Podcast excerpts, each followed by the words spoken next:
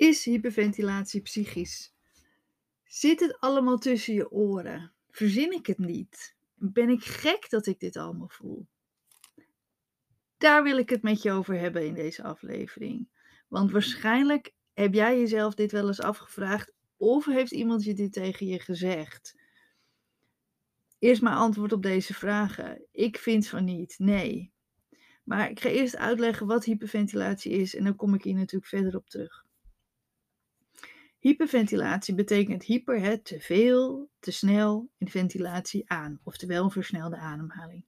Je ademhaling is eigenlijk een chemisch proces bedoeld hè, om CO2 uit je lichaam te verwijderen, uitademen, en zuurstof op te nemen, hè, inademen.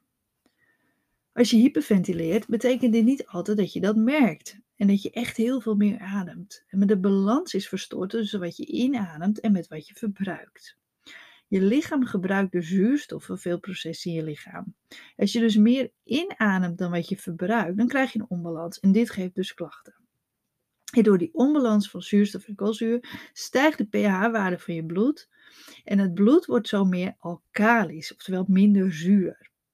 Als een reactie hierop, want misschien denk je, minder zuur, hoe kan het nou? Want ik verzuur toch altijd, dat geeft toch al die klachten, die spierpijn? Ja, dat klopt.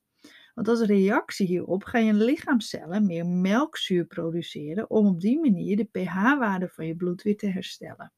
En dit veroorzaakt onder andere die pijnlijke vermoeide spieren, hoofdpijn, vermoeidheid, maagklachten, nou, noem het maar op. En daarbij zijn er ook veel, uh, er zijn ook wel lichamelijke oorzaken voor die verstoorde ademhaling, zoals astma, COPD. Maar die, die, daar hoor je me eigenlijk niet zoveel over, omdat ik wil het gewoon echt hebben over de hyperventilatie door stress. En want dat is de grootste kans dat je daar last van hebt.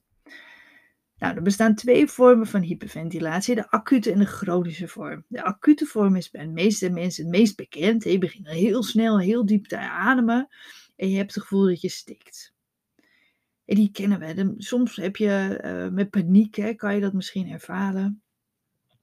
Maar de chronische vorm is veel onbekender, maar die komt heel veel vaker voor. Bij deze vorm is de ademhaling voor een langere periode versneld.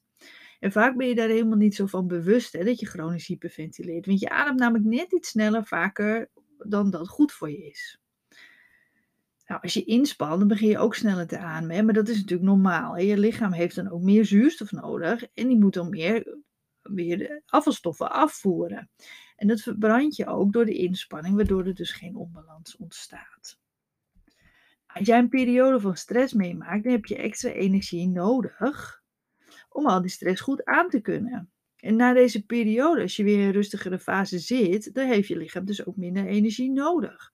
Maar je lichaam blijft dus nog in die stressstand staan. Je ademt nog steeds iets te vaak. En omdat je die extra energie niet nodig hebt, ontstaat er dus een onbalans en krijg je die klachten. Nou, de oorzaak van je hyperventilatie, die heeft vaak wel een psychische achtergrond.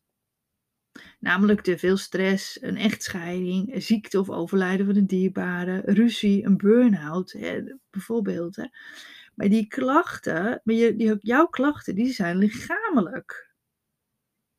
En daarom ligt bij mij ook altijd de focus op het lichamelijke. Door onder andere die ademhaling te herstellen. Zorgen dat je weer kan ontspannen.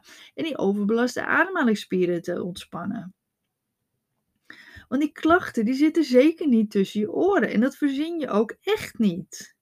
Want je hebt die lichamelijke klachten. Alleen de oorzaak komt vanuit een, vaak een, een wel een psychische achtergrond. Door die stress. Hetzelfde als jij je uh, spierpijn. Dit hebben heel veel mensen met hyperventilatie hebben spierpijn. Als ik aan jou ga vragen, ga nu eventjes uh, eh, 100 kniebuigingen maken. En dan gaan je spieren, die gaan trillen, die gaan, mits je niet super getraind bent, maar dan maken we er duizend van. Als, je, als je dus heel veel kniebuigingen gaat maken, of je gaat vandaag opeens heel veel meer lopen dan dat je normaal zou doen, en dan gaan je spieren gaan op een gegeven moment trillen, die gaan zeer doen, die gaan branden, die, die doen zeer. En heb je morgen heb je ook nog spierpijn. Dus dan is de oorzaak overbelasting doordat je te veel hebt gedaan, dat je te veel hebt getraind. Dat is dus een andere oorzaak, maar het heeft wel ongeveer hetzelfde effect. Maar dat accepteren we natuurlijk wel. Maar als we te lang stress hebben, dan verbruik je lichaam ook veel te veel. Die overbelast je ook. En daardoor krijg je die klachten. En heel vaak is die periode van stress wel voorbij, maar hou je wel die klachten in die verstoorde ademhaling. Daarom is het zo super belangrijk dat je, uh, dat je die patronen gaat doorbreken, waardoor je weer kan ontspannen. Dat je beter gaat slapen, dat je weer energieker bent, dat je positiever in het leven staat en die dingen kan doen die je zo graag wil doen.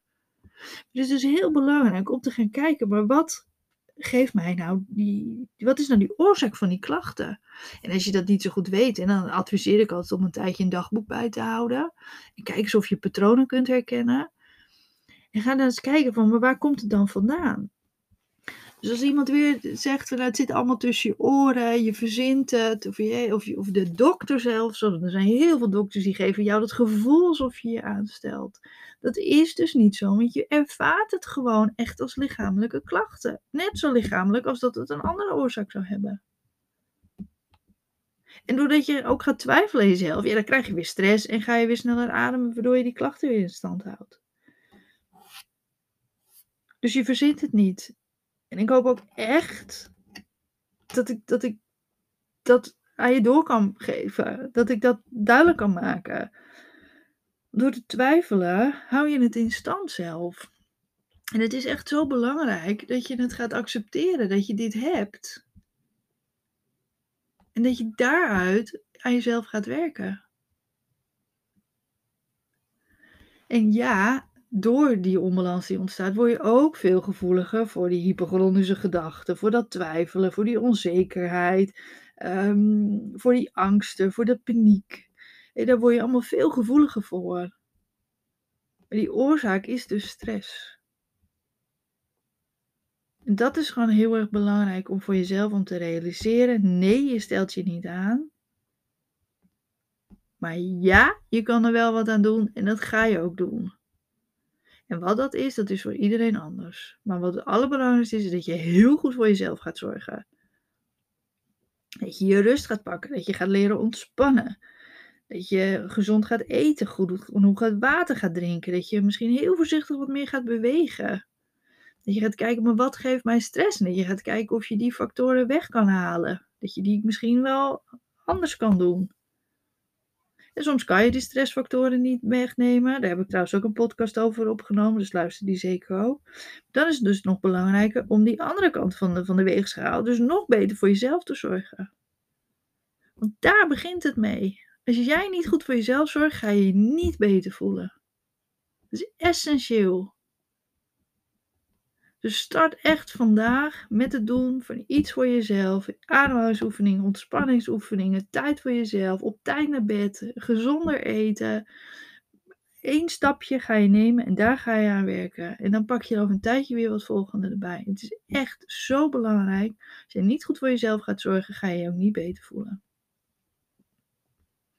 Maar de volgende keer, als iemand tegen jezelf zegt, of als je gaat twijfelen, het zit allemaal tussen mijn oren. Nee, Oorzaak is stress. Je verzint het niet. Heel erg bedankt weer voor het luisteren. En um, ik hoor heel graag uh, wat je hebt aan mijn podcast. Of je blij bent dat ik uh, dingen aan je uitleg op deze manier. En wat je graag nog wil horen. Uh, dus je kan me zeker eventjes mailen. En op mijn website staat ook heel veel uitgelegd. www.hyperventilatiecoach.nl Dus als je twijfelt over je klachten Vul dan bijvoorbeeld duizelig in in de zoekbalk en dan krijg je alle uitleg te lezen over duizeligheid, of over je maag, over tintelingen. Hè. Er staat superveel op mijn website uitgelegd. En uh, dus, dus als je twijfelt, uh, ga dat zeker ook eventjes uh, bekijken.